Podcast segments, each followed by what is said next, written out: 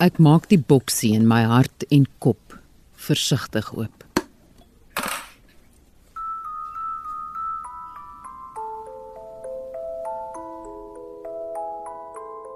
In my geestesoog sien ek hoe die ballerina permantig regop spring en om en om begin dans. Sonder huiwering.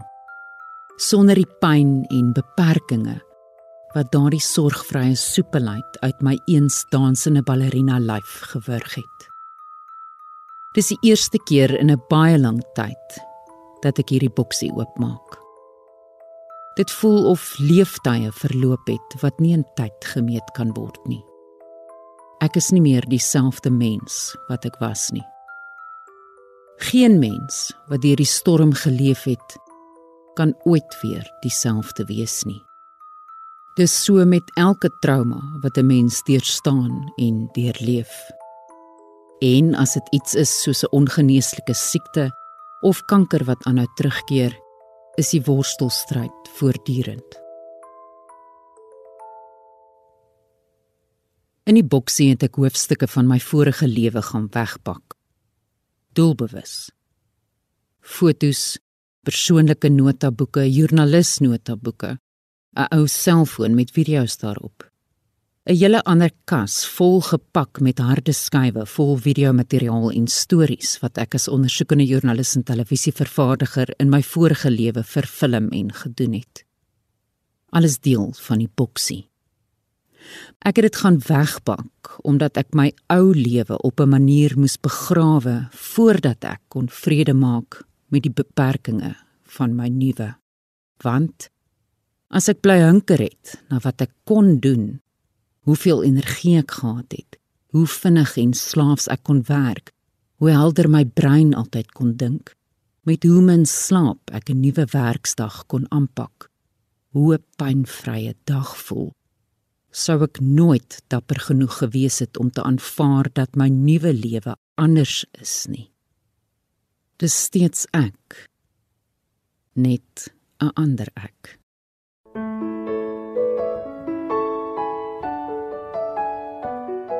Hierdie aanvaarding van die nuwe mens met beperkings het nie maklik in my hart kom lê nie. Dit was 'n bietjie soos die pynlike proses om regtig waar te word wat in my gunsteling Engelse kinderboek The Velveteen Rabbit deur Marjorie Williams in Afrikaans vertaal deur Linda Rode as die hasie van Fluweel deur die hobbelperd aan die hasie verduidelik word. Soos wat Logner de Kok hier vir ons lees. Wat beteken dit om regtig waar te wees? Vra Hasie een oggend vroeg terwyl hy in die hobbelperd in die speelhoekie gesels, nog voor Nana die kamer aan die kant kon maak. Eh, beteken dit dat jy goeters het wat woer woer maak binne in jou en 'n sleuteltjie wat uitsteek of of of batterytjies wat jou laat rondspring? regtig waar is nie hoe jy gemaak is nie, sê die hobbelperd. Dis iets wat met jou gebeur. As 'n kind jou lank genoeg liefhet, nie net om met jou te speel nie, maar as hy regtig lief is vir jou, dan word jy regtig waar. Is dit seer? vra die haas. Partykeer ja, sê die hobbelperd toe, want hy het altyd die waarheid gepraat. Wanneer jy regtig waar is, gee jy nie om vir 'n bietjie seer nie. Eh, ge gebeur dit op een slag? Soos om opgewen of aangeskakel te word of of, of gebeur dit so pikkie pikkie vra die haas. Jy's nie skielik regtig waar nie sê die hobbelperd. Jy word dit. En dit neem lank. Dit is hoekom dit nie gebeur met iemand wat maklik breek of wat skerp rande het of wat fyntjies behandel moet word nie. Gewoonlik teen die tyd dat jy werklik waar regtig waar is, is die meeste van jou hare al afgeliefie. Jou oë val uit en jou skarniere raak uitgesluit en jy lyk sommer afgeleef en toyingrig. Maar al hierdie dinge maak nie saak nie. Want as jy eers regtig waar is, kan jy nie lelik wees nie. Behalwe vir iemand wat dit nie verstaan nie.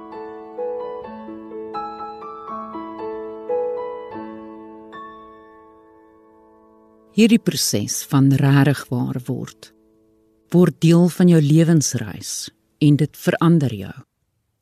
Nie net hoe jy dinge rondom jou ervaar nie, maar ook hoe jy na mense en jouself kyk. Jy is anders as mens.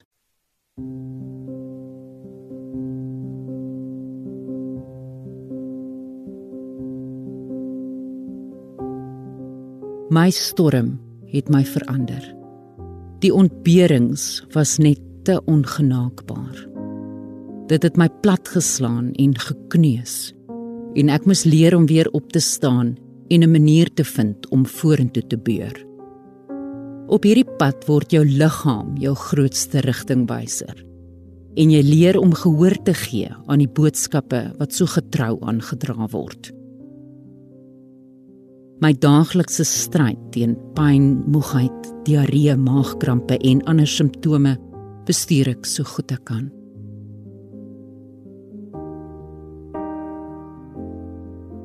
Ons kan nie ons eie pad kies nie.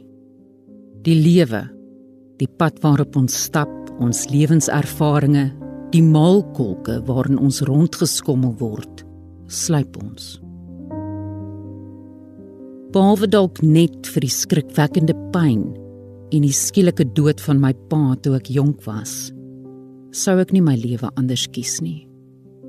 Dapper woorde ek weet. Maar hierdie is die kruis wat vir my gegee is om te dra in hierdie lewe.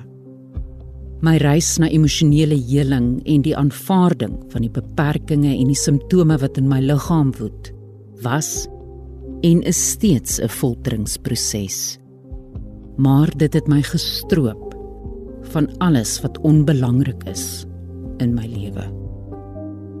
My verlies was eindeloos, maar my wins groot. 2018, die jaar nadat Crohn se siekte by my gediagnoseer is, was my kruispunt. In teenstelling met die jaar tevore toe ek elke aand smeekend gebid het om van die onuithoudbare pyn verlos te word, het ek in 2018 my oë gesluit en jubelend dankie gesê vir elke klein wonderwerk op my pad na herstel. Ek het daardie jaar baie geworstel oor hoekom ek so siek geword het. Ek het besef ek moet bewustheid kweek oor hierdie onsigbare siektes wat soveel lewens steel wat so min mense verstaan. En ek het besef ek moet my eie storie vertel en ander help om dieselfde te doen.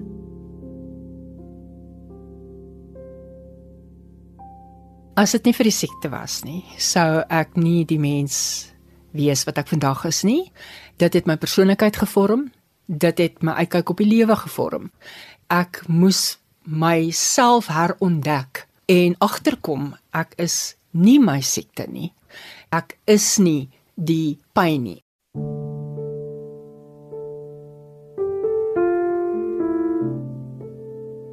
Selisha Pretorius van Johannesburg stap hierdie pad waarvan sy praat reeds die helfte van haar lewe. Maar sy moes eers 'n diep emosionele reis onderneem om die beperkings van haar liggaam te kon aanvaar. Selisha, jy is 46 jaar oud en jy ly al aan outoimmuun siektes vandat jy 23 is. Is dit soms vir jou 'n swaar las om te dra? Definitief. Jy het jou goeie dae en dan het jy jou slegte dae en dan het jy jou verskriklike slegte dae. En dit is partykeer baie moeilik in daardie slegte dae en die slegste van dae om die positiewe in die lewe te sien. Is hierdie beklei die moeite werd? Is dit nie maar net beter om tou op te gooi nie? Ek het Selisha 3 jaar gelede by ons kerk ontmoet toe ons gesamentlik 'n groep gestig het vir mense wat ly aan outoimmuun siektes. En met die COVID-19 pandemie is dit die eerste keer in meer as 'n jaar dat ons mekaar sien. As jong 20-jarige was Selisha opgewonde oor haar toekoms. Sy en haar hoërskoolliefde Franco Pretorius sou binnekort verloof raak en haar loopbaan in menslike hulpbronne het blink voor haar gelê. Maar kort voor haar 23ste verjaarsdag kom klop siekte aan haar deur. My kollega het toe gesien my vingers is nie pers nie, is amper swart. en sy het toe vir my gevra of ek met die drukker se ink gespeel het. So my simptome het nie oor 'n tydperk begin nie. Dit was eendag nie daar nie en die volgende oomblik was dit daar. Dit was net 'n totale verrassing en 'n kommer toe ek afkyk en sien my vingers is pikswart. En het jy toe 'n spesialis gaan sien en wat se diagnose is toe gemaak? Ons is toe eers na my huisdokter toe want ons ken nie regtig spesialiste nie. Ek's nog my hele lewe gesond. En gelukkig my dokter was seker maar goed belese en hy het toe onmiddellik gesê ek het Raynaud's waar jou senuweepunte maar basies saamtrek as jy in 'n koue situasie beland en hy het my toe onmiddellik verwys na internis toe. Hy het toe gesê hy dink dit is simptome van 'n groter siekte. 'n Reumatoloog diagnoseer lupus by Celicia. Dis 'n sistemiese outoimmuunsiekte waar die liggaam se immuunstelsel sy eie weefsel en organe aanval. Die inflammasie wat deur die siekte veroorsaak word, kan verskeie liggaamsdele beïnvloed, insluitend die gewrigte, vel, niere, bloedselle, die brein, hart en longe. 2 jaar nadat lupus by haar gediagnoseer is, sukkel sy ook skielik om sekere kossoorte te sluk. So toe gaan sien jy twee nuwe spesialiste en 'n string toetse word gedoen en toe word nog 'n outoimmuunsiekte gediagnoseer, een wat nie so bekend is nie. Dit was vir my een van die outoimmuunsiektes wat ek nie wou gehad het nie. Die siekte se naam is scleroderma of sistemiese sklerose. Scleroderma is basies die verharding van jou konnektiewe weefsels. Dis gewoonlik 'n velsiekte, maar dit kan ook intern wees. Ek het die interne tipe wat die organe aanval. Silisha, jy was net 25 toe jy hierdie nuus gekry het. Hoe het dit jou laat voel? Dit was vir my 'n doodsvonnis. Ek was platgeslaan. Ek het geweet wat scleroderma is. Ek het geweet hoe sleg dit is. Ag, jy kom maar eerder met 'n geweer dood geskiet het. Dit sou meer versagtend gewees het. Dit is 'n lewenslange veg met jouself. Dit is 'n lewenslange ontstellende afbreekende siekte om te hê. Nie net fisies nie, maar emosioneel ook. Dit het natuurlik ook nie gehelp toe my ma gevra het wat is die prognose nie en die dokter sê 10 jaar as sy gelukkig is. Jy's 25 jaar oud. Jy het jou hele lewe voor jou en dit alles word in een sin verwyder, weggevat van jou af. Jou wêreld wat eens so oop en groot was, word so klein. Jy word jou siekte. Dis wie jy is. Jy is net hierdie stukkie vleis wat hierdie kiem moet beklei. En jy weet daar is nie 'n kuur nie. Daar is nie 'n manier wat jy gaan gesond word nie alle outoimmuunsiektes is ongeneeslik, maar in vergelyking met jou diagnose van lupus was jou diagnose van scleroderma vir jou baie erger. Ek het geweet ek gaan vervorm raak, my hande gaan ophou werk, my voete gaan ophou werk, my gesig gaan saamtrek. Ek gaan my tande verloor. Jy gaan begin sukkel om asem te haal of jou binnegoed gaan ophou werk my lupus was nie so erg nie want ek het net die Raynaud's gehad en die pyn in my gewrigte. So ek het nie die erg simptome gehad van lupus nie. So dit was soos 'n beheerbare siekte geweest. Vasculoderma net vir my absolute destruktiewe siekte is wat binnekant en jou buitekant heeltemal verander.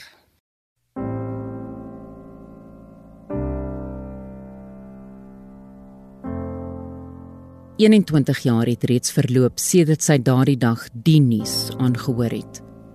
Wanneer 'n mens na fotos van 'n jong Celisha kyk, sien jy hoe die scleroderma haar breë glimlag gesteel het weens die verharding en weefselverlies in haar vel. Sy het die gebruik van klein motoriese funksies in haar hande verloor en op die oog af lyk dit of die vel ineenkrimp. Sy het net 8 van haar eie tande oor en van haar organe is beskadig. Celisha asof daai diagnose nie erg genoeg was nie, word jy 3 jaar later met nog 'n outoimmuunsiekte gediagnoseer. Ek kan nie 10 sinne sê nie, dan moet ek sluk en as ek sluk is daar nie speeksel nie. En die dokter Hy het 'n biopsie van die binnekant van my lip geneem en hy het toe bevestig ek het Sjogren's. Sjogren's is 'n siekte waar al jou voggewende kliere in jou liggaam opdroog. In my geval, ek het nie speeksel nie en ek het ook nie trane nie. My vel is verskriklik droog wat natuurlik deur die scleroderma droog is, maar is ook nou droër as gevolg van die Sjogren's. En ons vele liggaamlike prosesse wat vog nodig het om te funksioneer. Wat gebeur in jou liggaam wanneer jy wil huil? Hoe voel dit omdat jy nie kan huil nie? Dit is baie moeilik om vir mense te verduidelik hoe dit voel om nie te kan huil nie. As ek aan die huil raak, sal ek die emosionele uitdrukke hê van iemand wat huil, maar daar's nie trane nie. Die gevoel is een van swelling in die brein. Dit voel of jou oë uit jou kop uit wil pop. So jy sit op die ou einde van die dag met 'n verskriklike migraine. Jou oë is geswel of klapperig en jy kry nie daai emosionele ontlading van wat die trane bring nie. En mense dink omdat jy nie die fisiese vermoë het om nie die trane te produseer nie, het jy dan nou nog 'n emosionele judgement van ander mense om te sê jy's nie regtig ontstel nie want jy huil nie. So jy sit met daai irritasie en frustrasie ook nou nog. Emosioneel het 'n mens nodig om ontslae te raak van daai emosie. So hoe doen jy dit? Ek het 'n baie passievolle persoonlikheid.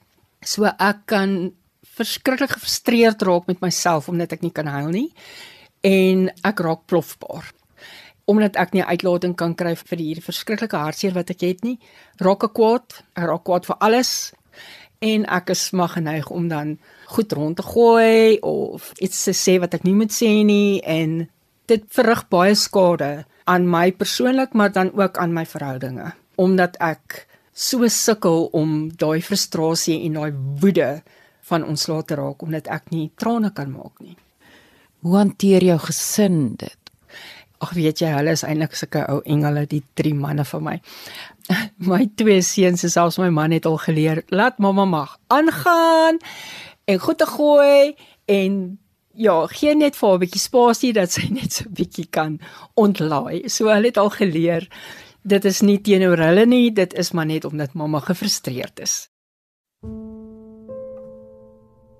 Selisha, het jy op hierdie punt gekom en gedink genoeg is nou genoeg. Jy kan net soveel dra. Dit het al vele kere gebeur. Ek sal sê elke keer wat 'n nuwe outoimmuunsiekte by my gediagnoseer is en dan beslis toe ek my beroerte gehad het. Ek was 38 en ek het net op daai punt gekom wat ek wil nie meer nie. Ek het elke dag gebid, Here kom haal my net. Jy wens jy's dood. Elke dag wat jou oë oopgaan, Hoekom leef ek nog vandag? Hoekom moet ek vandag nog beklei? Gedurende hierdie selfde tyd raak sy aanhoudend kort asem en hoor sy dat sy permanente longskade opgedoen het weens die neeweffekte van die langdurige gebruik van immuunonderdrukkende medikasie wat vir outoimmuunsiektes voorgeskryf word. Die medikasie verminder inflammasie en beperk aanvalle van die immuunstelsel op homself. Selisha, het jy in daai stadium van jou lewe met vrae begin worstel soos hoekom jy hierdie kruis moet dra? Natuurlik, ek dink enige iemand wat 'n kroniese siekte het, vra dit. Dis 'n geloofstryd voortdurend veral op die dae wat dit sleg gaan, wat jy met die Here worstel en vra vra soos Here, hoekom ek? Wat is die doel met dit? Here praat met my en jy kry baie geleenthede wat jy dan nie God se stem hoor nie. Wat jy nie verstaan hoekom jy so swaar moet kry nie, want dit is dis swaar kry. Dis iemand wat nie kronies siek is nie, verstaan nie hoe moeilik dit is om net uit die bed uit op te kom nie. En dan kom die vraag op van Here, ek kan nie hierdie kruis meer dra nie.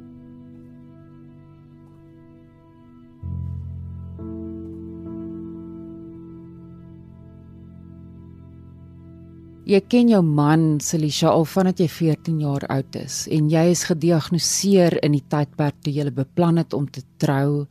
Watter impak het jou siek wees op jou huwelik? Dit is baie moeilik om van iemand te verwag om die res van sy lewe met iemand te spandeer wat kronies in pyn is, kronies siek is, kronies nie kan opstaan nie, nie dinge kan saam mee doen nie. Dit was baie moeilik veral in my en Franco se geval want ons is altyd verskriklike introverte, so ons hou dinge binnekant opgekrop. Jy kon sien elke keer wat ek siek geraak het, dan onttrek hy en ek onttrek en dis nie goed vir huwelik nie. En veral ek moes leer deur die jare om te sê ek kan nie. Ek het nou jou hulp nodig.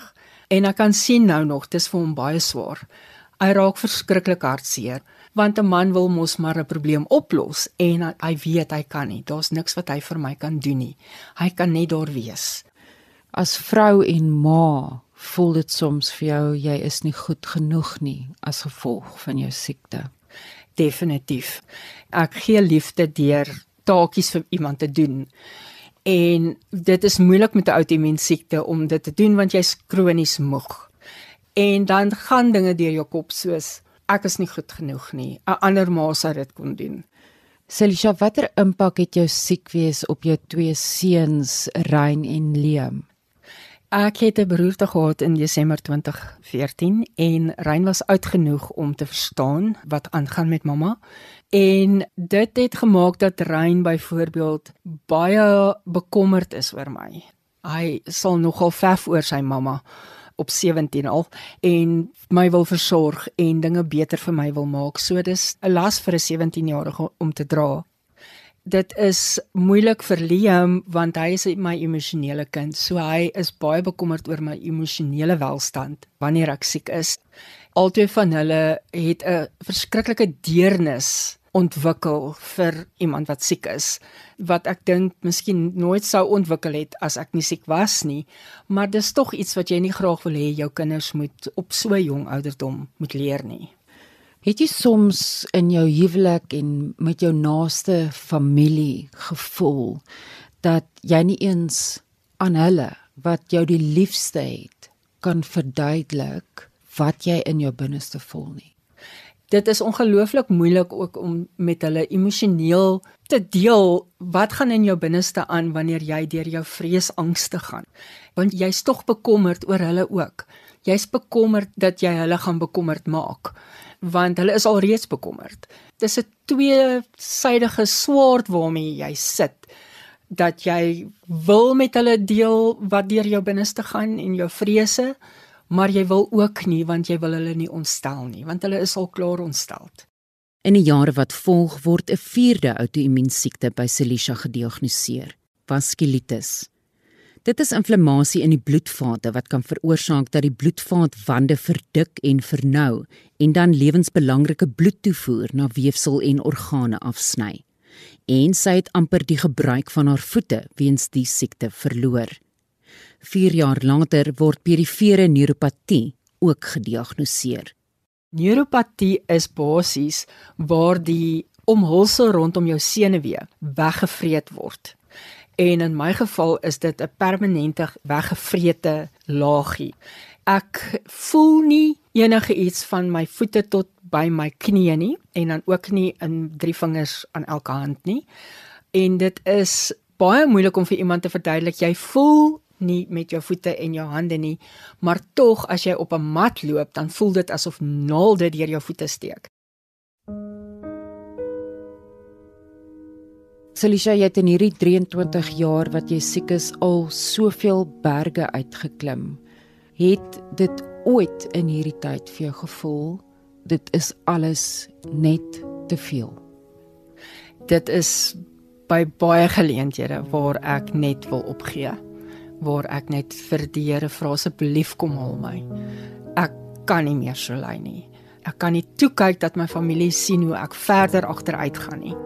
Ja, dit gaan goed met my op die oomblik. Ek is fisies regtig op 'n baie goeie plek, emosioneel op 'n baie goeie plek. Maar daar is baie geleenthede wat ek net dink dit is nie die moeite werd om te beklei nie, want daar is nie hoop nie. Dit is vir my elke dag 'n stryd om aan 'n stukkie hoop vas te gryp. En as jy so siek is, is jou gesin nie noodwendig genoeg om jou te laat vasgryp aan 'n stukkie hoop nie, want jy weet hulle lei saam met jou dan gaan gedagtes deur jou kop. Ek het al selfmoordneigings gehad. Ek het regtig al probeer om om 'n einde daaraan te maak. Dit is een van daardie dinge wat ek dink enige kroniese siekte persoon aandink. Jy het nie 'n keuse partykeer om daaraan te dink nie. Jy het gesê jy het jou lewe lank gevoel jy word verwerp. Het die feit dat jy siek is hierdie gevoel vererger? Jy voel jou liggaam verwerp jou. Jy voel dat die wêreld verwerp jou want hulle judge jou. Jy voel dat van jou dokters verwerp jou want dit is mos maar net in jou kop en jy voel dat God het jou verwerp dis vir my 'n journey gewees om deur daardie verwerping te gaan en te verstaan wat agter dit sit. Vir my is dit nou maar 'n paadjie wat ek moet stap saam met die Here en ek en hy worstel gereeld daarmee.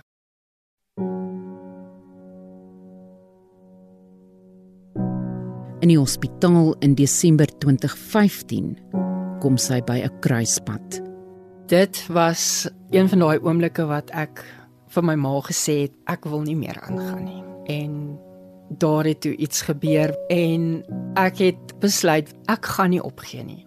En net daar en dan het ek besluit ek gaan begin kyk na my dat ek emosioneel gesond is want dit sal lei tot fisiese gesondheid ons gaan leef ons gaan uit hierdie tronk ontsnap en ons gaan hol soveel as wat ons kan. Ek mag dalk nie elke keer saam met my kinders kan gaan stap om die blok nie, maar ek kan hulle aanmoedig. Ek kan hulle cheerleader wees. Ek gaan lewe. Dit is my besluit. Hoe het jou siek wees jou verander? Ek het geleer hoe belangrik mense in jou lewe is, veral wanneer jy deur 'n moeilike tyd gaan. En my lewe is kort. My lewe het 'n doel, my lewe is belangrik En die goed wat vir my saak maak in my lewe is die goed wat ek moet uitkry solank as wat ek kan. Wat is jou boodskap aan ander mense wat ly aan outoimmune siektes? Eerste ding, as jy nie hou van wat die dokter sê nie, dis jou reg om op te staan en te sê ek stem nie met jou saam nie, ek gaan vir 'n tweede opinie. Tweede ding is moenie dat die siekte jou tronk word nie. Ja, dit word deel van jou, dit word deel van jou persoonlikheid, maar dit is nie wie jy is nie. Jy is tot beter in staat as dit wat jy dink jy is. En hou aan beklei. Moenie ophou beklei nie. Want ons moet 'n legacy los. En dis een van die dinge wat ons kan doen vir die navorsing van outoimmune siektes is om aan te hou beklei.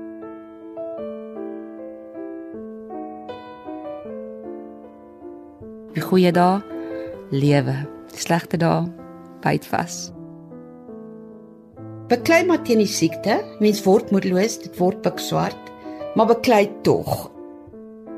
Ek gaan so lank as wat ek asem het, gaan ek beklei. En al lê ek, gaan ek nog steeds hoop. Ek is nie my siekte nie en ek sal aanhou beklei daarteenoor. Ek sal ten spyte van my beperkings wind opbeer en stroom opswem want ek het gekies om te lewe. Byna 14 jaar nadat ek die eerste keer begin siek word het, is dit nie meer elke dag donker in my tronk nie.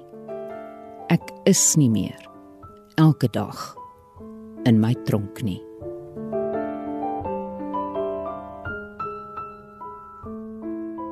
'n Tronk van Pyn is 'n dokumentêre reeks van 4 episodes oor die daaglikse worsteling van mense wat ly aan outoimmuun, kroniese pyn en kroniese moegheidsiektes en hoe hulle moeisaam maar dapper voortbeur om aan 'n nuwe normaal gewoon te raak. Ek dra hierdie reeks op aan elkeen wat ly aan een van hierdie siektes. 'n Tronk van pyn is vervaardig en aangebied deur my, Estie de Klerk, met klankontwerp deur Danny Boysen.